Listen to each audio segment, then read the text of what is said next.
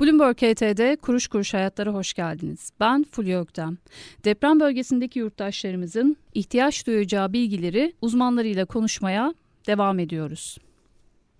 Bugünkü konuğumuz MTN Hukuk Yönetici Ortağı Avukat Arabulucu Umut Metin. Üstadım hoş geldiniz. Hoş bulduk Fulya Hanım. İyi yayınlar diyorum. Çok teşekkür ederim. Podcast'imizin bugünkü bölümünde deprem bölgesinde enkaz altında kalan kıymetli eşyaların akıbetini konuşacağız. Enkaz altından çıkartılan kıymetli eşyalar bunlar yastık altı altın, e, zinet, tapu gibi değerli belgeler, çek, senet gibi kıymetli evraklar, silah ve kasalar. Bunların hukuki bir tanımı var mı bu eşyaların? Fulya Hanım, bunun aslında hukuktaki e, en net tanımı taşınır eşyadır. Biz hukukta bu tür e, bir yerden bir yere zarar görmeden taşınabilen eşyaları taşınır eşya olarak nitelendiriyoruz. Şimdi taşınır eşyalar veya taşınmaz mallar ikisini aslında birlikte değerlendirdiğimizde de mülkiyet kavramına doğru yol alıyoruz. Mülkiyet ne demek? Bir şeyin maliki olmak, onun sahibi olmak demek. Şimdi malik olan kişi yani sahip olan kişi ne yapar? O malı istediği gibi, o eşyayı istediği gibi kullanma hakkına sahip olur. O halde bu hak nereden doğuyor? Bu taşınır eşya dediğimiz kavramı koruyan hak nereden doğuyor? Ben size bir şey söyleyeyim. Anayasadan doğuyor. Hiç diğer kanunlara gelmeden önce anayasadan doğuyor. Bizim anayasamız temelde, e, anayasal temelden başlayarak söyleyelim. Diğer kanunlarımız da mülkiyetin korunması üzerine kurgulu. Şimdi siz çok güzel bir giriş yaptınız. Bakın deprem yaşamı alt üst etti. Ee, sadece binaları değil. Ama bir şeye doğru ilerliyoruz. Yaşam ne kadar alt üst olursa olsun anayasanın evrensel olarak insanın sahip olması gereken temel hakların korunması gerekiyor. Bu şartlarda da insanların eşyalarını, taşınır eşyalarını korumak gerekiyor. Bizim ise Türk hukukunda bu noktada mülkiyeti koruma kapasitesine oldukça iyi düzeyde sahip bir mekanizmamız var. En azından girişi bu şekilde yapabiliriz. Elbette ki manevi değeri olan eşyalarının da kurtarılması çok önemli. Ee, ancak altın, e, para, ve diğer e, kıymetli evraklar da yeni bir yaşam inşa etmeleri için çok önemli. E, bu eşyalar bulundu diyelim enkaz altından çıkartıldı. Kolluk buldu. Kolluk bulunca e, aşağı yukarı prosedürleri tahmin edebiliyoruz. Bir tutanakla koruma altına alındı. E, ancak e, ben orada e, enkaz kaldırma e, çalışmalarında çalışan bir yurttaşım. Ben buldum e, ne yapacağım bunu? Önce buradan başlayalım sonra e, kolluğun koruma altına aldığı e, eşyalarla ilgili nasıl bir prosedür işliyor? E, yurttaşlar e, bu eşyalara nasıl ulaşacak? Nasıl hak talep edecek? E, tamamen e, zayi olduğunu düşündüğü şey bir gün e, diyelim ki bir yerde esnaf oldu. E, kendi e, eşyası e, kendisine satılmaya çalışılıyor böyle bir durumla mesela karşılaştı. Pek çok olasılık var. E, sırayla gidelim mi? E, bize örnekler verebilir misiniz bu konuyla ilgili? Tabii ki. Tabii ki Fulya Hanım e, şöyle anlatayım. Hani dinleyenler, izleyenler açısından şöyle olsun. Basamak basamak akılda kalacak şekilde ifade edeyim o halde. Sistem şu şekilde işliyor. İlk aşama bildirim. Kim depremzedeye ait o bölgede bir eşyayı buldu ise ilk önce bunu bildirmek zorunda. Kime bildirmek zorunda? Siz soruyu sorarken söylemiş oldunuz. Kolluğa bildirmek zorunda. Şehir merkezlerinde polise, kırsalda, köylerde jandarmaya. E onlar yoksa ne olacak? Onlara ulaşamadıysa köylerde muhtara da bildirebilir.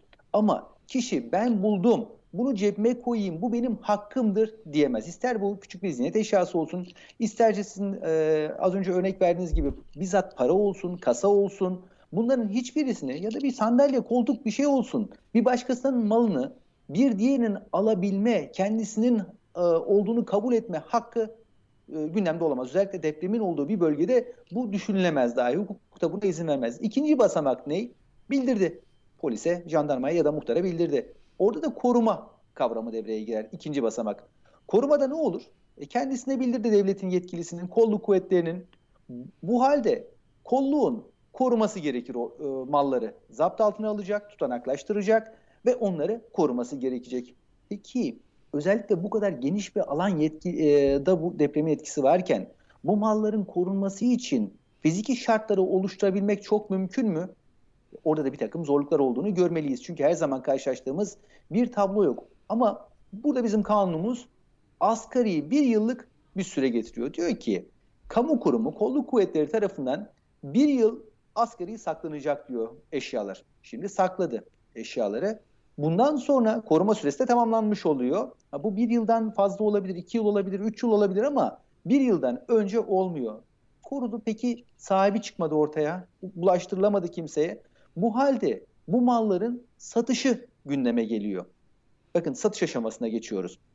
Şimdi satış yapılınca da insanların malları kendi ellerinden çok düşük değerlerle çıkamasın, e, onun maddi değeri korunabilsin diye bu halde açık art ilan sureti ile ve açık arttırmayla satış yapılıyor ve buradan elde edilen kazanç da 5 yıl için saklanıyor. Tabii burada çok yani önemli bir şey var. Yani hemen hazineye devrolmuyor. 5 yılda Hayır, orada olmuyor, bekliyor. Olmuyor. Yani bu şöyle düşünmeyelim. Bunun altını çizmek lazım.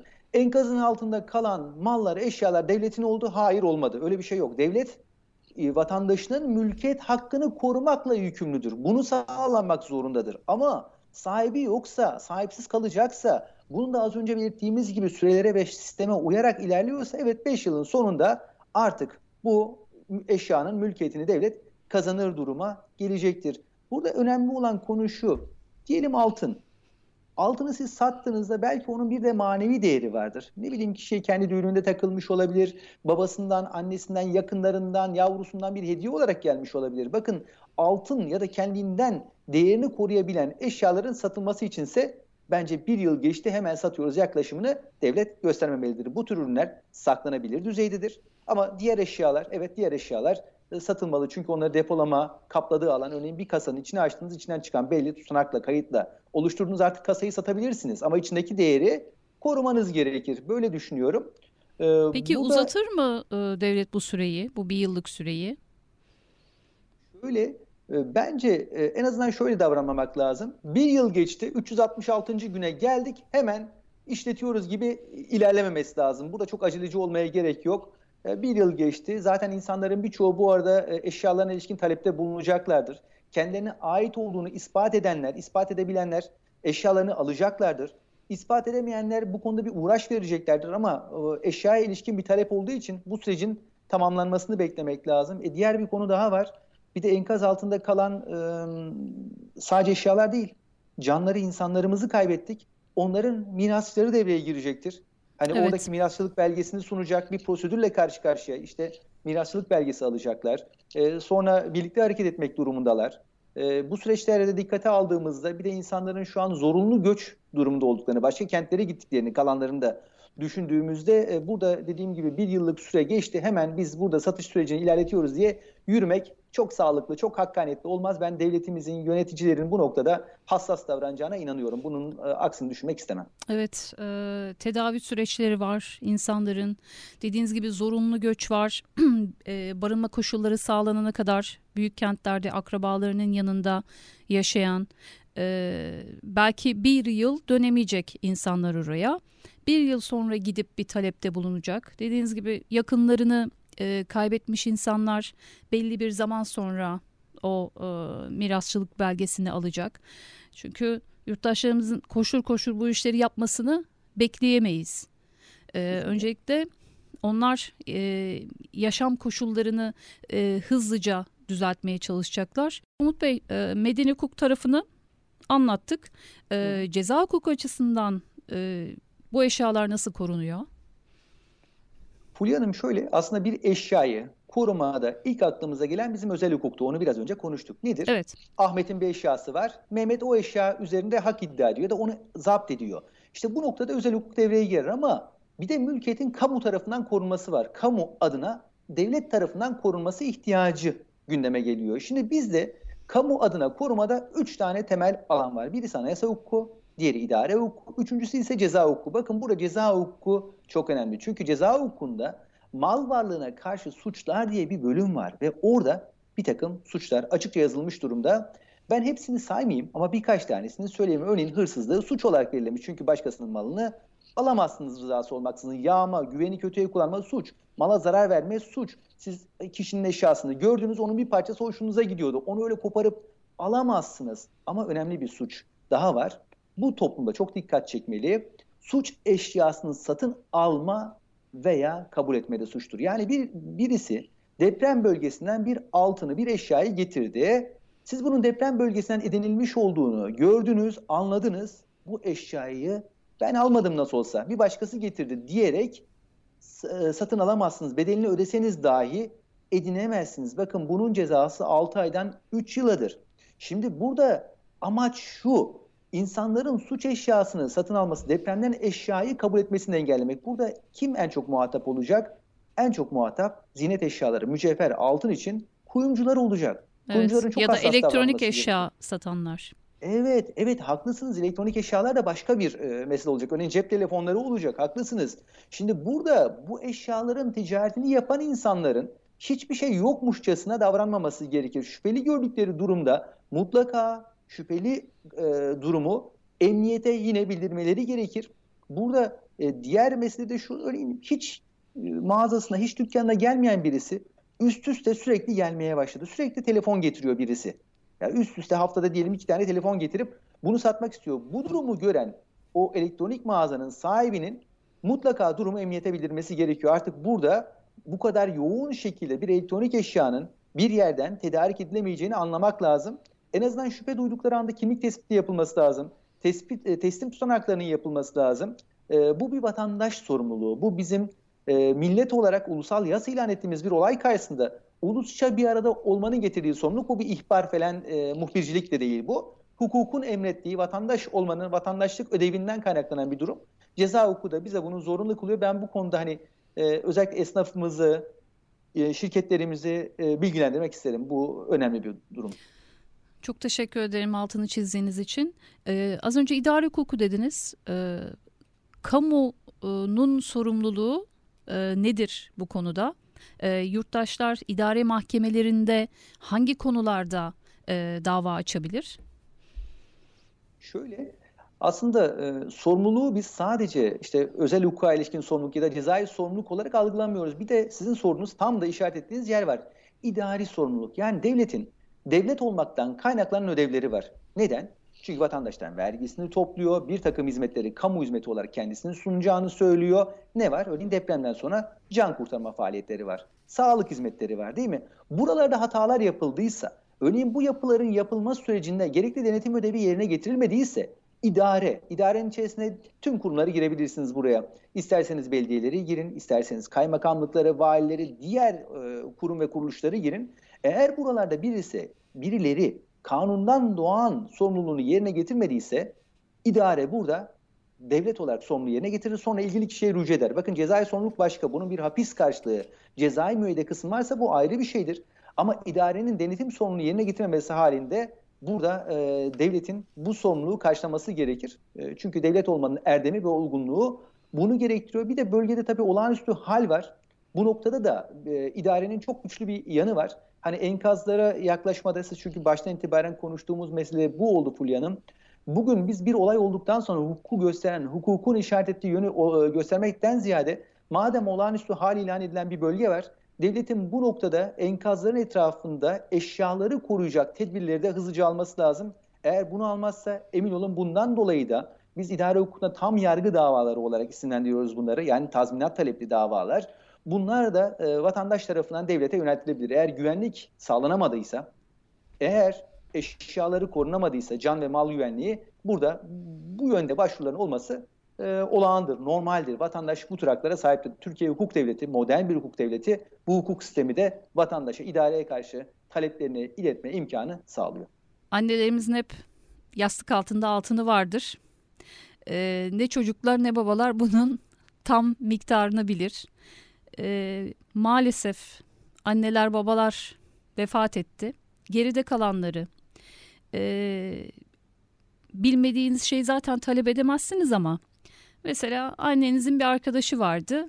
E, dedi ki ya senin için şunu saklıyordu. E, ya böyle bir e, tanık beyanıyla e, bulunmuş o eşyayı talep edebilir mi yurttaşımız? kişinin eşyasını alabilmesi için e, eşyanın nerede bulunduğu bence çok önemli.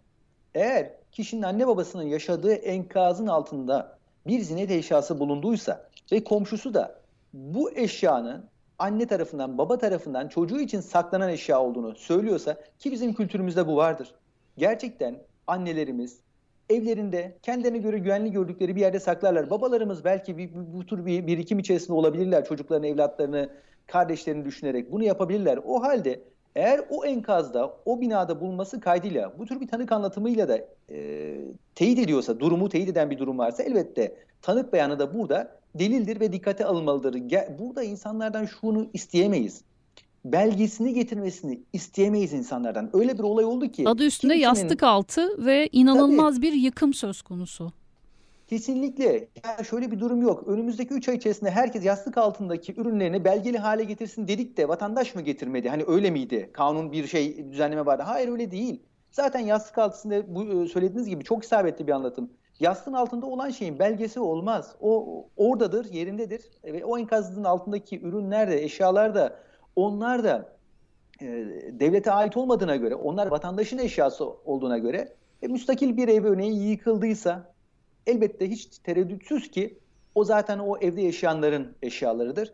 Ama toplu yaşamlar artık son zamanda, son dönemde maalesef daha yoğun katlı, e, çok katlı binalarda yaşıyoruz. O halde de bu tür anlatımlarla evet talepte hak e, iddiasında bulunabilirler. Bunu ispat ederler e, ya, e, taleplerinde. İdare tatmin olmazsa dava açabilirler.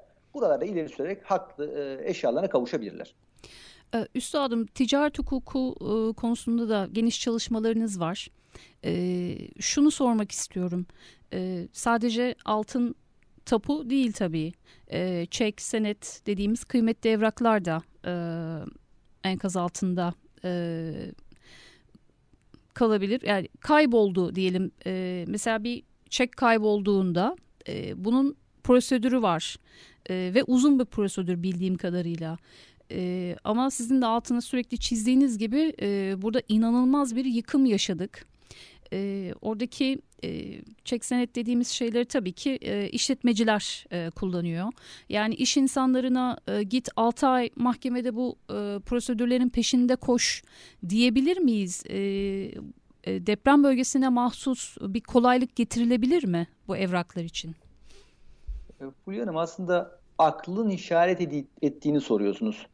Şimdi tek tek her bir e, iş insanının, her bir vatandaşın e, karşılaştığı durumda çekin, senedin, işte belki şirketlerde ticari defter ve kayıtların kaybolduğunu, zayi olduğunu ispat etmek için dava açmasını beklemek, buna ilişkin bir talepte bulunmasını istemek gerçekten yargı içinde yük, zaten bu ağır durumla karşılaşan vatandaş için de ayrı bir ızdırap demek. Evet normal şartlar olsaydı biz bu hukuki yolun işlemesi gerektiğini düşünebilirdik. Çünkü kişi çekim kayboldu, senedim kayboldu, işte e, şirketimin ticari defter ve kayıtları kaybol dediğinde e, bunu ispat etmesini isterdik. Olayı ispat etmeliydi. Ama bugün deprem bilinen vaka yani Kurtuluş Savaşı'nın gerçekliğini nasıl hepimiz biliyorsak depremin de gerçekliğini Türkiye'de tüm dünyada biliyor. Şimdi bu adreslerde yaşayan insanların çek, senet, ticari defter ve kayıtları kaybolduysa artık bunları yargılama faaliyetinde bir miktar rahatlatacak tek taraflı beyanlarıyla bu sonucun doğabileceği bir yere doğru gitmek lazım ama hukukumuz buna izin vermiyor şu an için. Bu konuda e, yeni bir yasal düzenleme ihtiyacı var. Şu an için böyle bir düzenleme yapılmadı ama bu tür bir yasal düzenleme yerinde olur. Daha pratik bir işleyiş. Evet belki bir e, yargısal makama ya da belki e, kurumlara, idari kurumlara e, beyanla olabilir. Beyan şeklinde bunun kabul edilmesi gibi bir sonuç doğabilir. Geçici olarak depreme özgü bu yapılabilir ama e, daha ötesinde bir şeyden ifade etmek istiyorum. Biz Covid sürecinde de gördük deprem e, sürecinde de görüyoruz. Bizim çerçeve bu afet durumlarına, acil hallere ilişkin, bu tür hallere ilişkin çerçeve bir yasa ihtiyacımız var. Her olağan dışı, olağanüstü kötü hadisede biz ona ilişkin kararnameler, kararlar, geçici kanunlarla uğraşır duruma geliyoruz. O zaman da eksik kalabiliyor. Ee, onun yerine geleceğe ilişkin umarım böyle kötü olaylar yaşamayız. Ama en azından bunları öngören e, ve bu durumda vatandaş üzerindeki yükü de alan kanunların hazır edilmesi gerekir. Umut Bey, ölüm kölnesi ve gayiplik. Ee, yurttaşın hastane kaydı yok. Ölüm kaydı yok. Ee, aranıyor. Ancak eşyaları bulundu. Ee, bu kişiyi e, kanunlarımız ne kadar e, bekliyor? Evet. Şöyle ayıralım. Tam hatta somutlaştırarak ayıralım Fulya Hanım. Bina yıkıldı. Aile hep birlikteydi. Ee, ve içerisinden diyelim iki kişi kurtuldu ama aile dört kişilik bir aile. Onların akşam depremin olduğu, gece depremin olduğu saatte binada olduğunu diğer aile fertleri biliyor. Binada tamamen yıkıldı. Artık şu noktaya ilerliyoruz. Diyoruz ki burada ölüm hali gerçekleşmiştir. Burada başka bir şans yok. Hiç haber alamadık. Onlardan hiç haber yok. Cesedi bulunamamış olsa bile durum öyle bir durum var ki ölümüne kesin göze bakmamız hali var. O halde biz buna ölüm karnesi diyoruz. Kişiyi ölmüş kişi statüsüne e, de nitelememiz gerekiyor. Ama bir başka hal daha var. Depremden sonra biz bunu da çok yaşadık. Örneğin dep kişi enkazdan kurtarılıyor. E, bugünlerde konuşuldu. Örneğin beyaz bir arabayla hastaneye götürüldü deniyor. Bir çocuk için var. Ama çocuktan haber alınamıyor. Ya da işte genç bir insan için söyleniyor. Haber alınamıyor.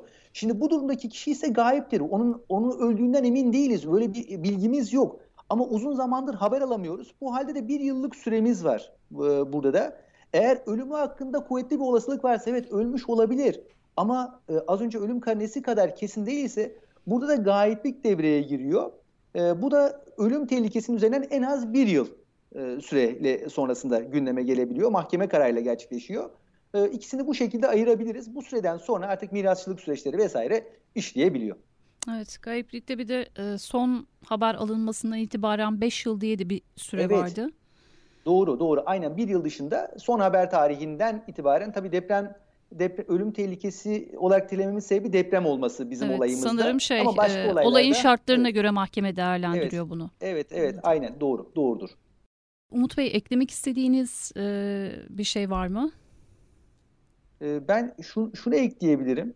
E, gerçekten hani ortada e, oluşan deprem ardından hukuk yolunu göstermek beni çok da tatmin etmiyor.